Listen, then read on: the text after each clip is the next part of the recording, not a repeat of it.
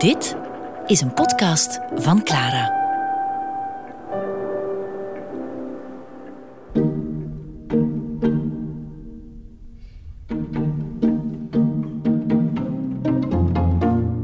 ...1566 is het jaar van de beeldenstorm tijdens de zomer.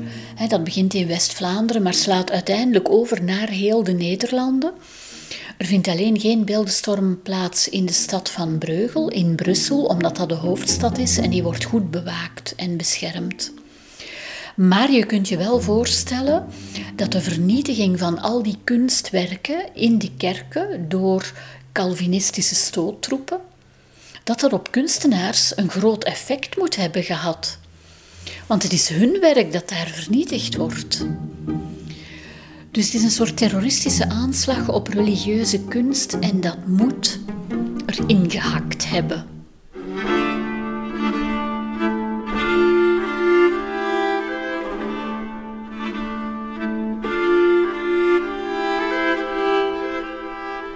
Wat zien we bij Breugel in die tijd?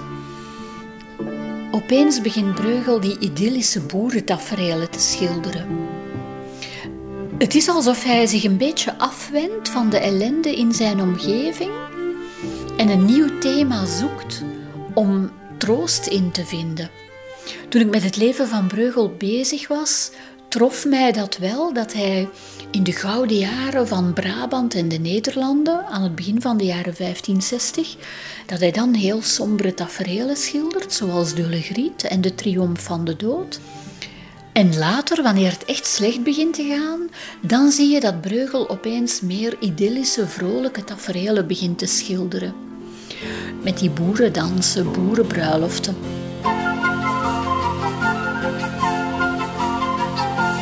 Die interesse van Breugel voor boerentaferelen, dat viel zijn tijdgenoten natuurlijk ook op. En Karel van Manders schrijft in 1604 dat Breugel dikwijls met een vriend naar het platteland trok, een zekere Hans Frankert, een koopman in Nurembergse waren. En Nurembergse waren, dat waren eigenlijk kostbaarheden in koper en metaal, maar vaak ook juwelen.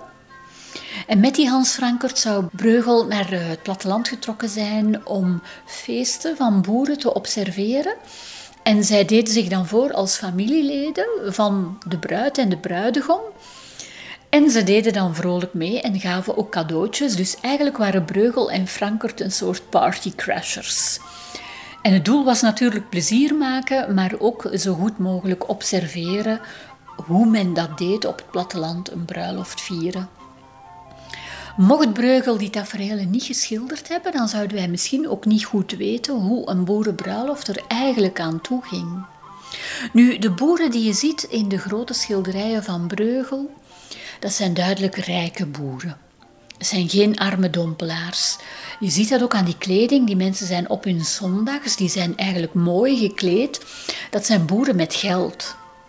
Maar voor stadsmensen bleven dat toch iets of wat bizarre, komische figuren. En stadsmensen waren natuurlijk degene die die boerentaferelen kochten.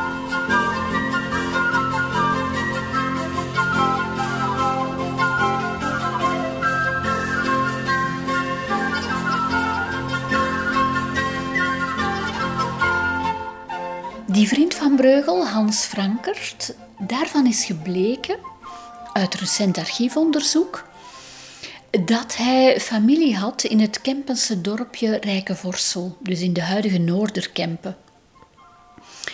Zijn moeder woonde daar en zijn oom was daar de pastoor.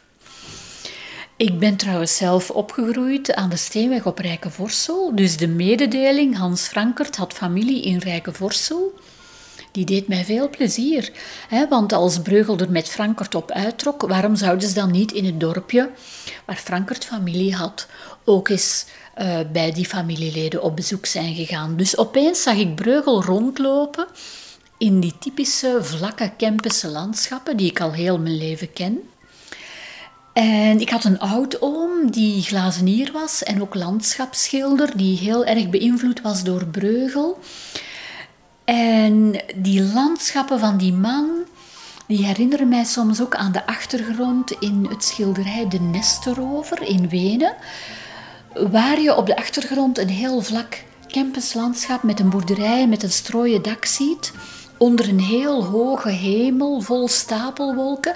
Dat is voor mij een van de mooiste landschappen die Breugel geschilderd heeft, maar als je door de Kempen loopt, dan herken je dat meteen. Dus toen dacht ik, ja, Breugel is daar vast geweest.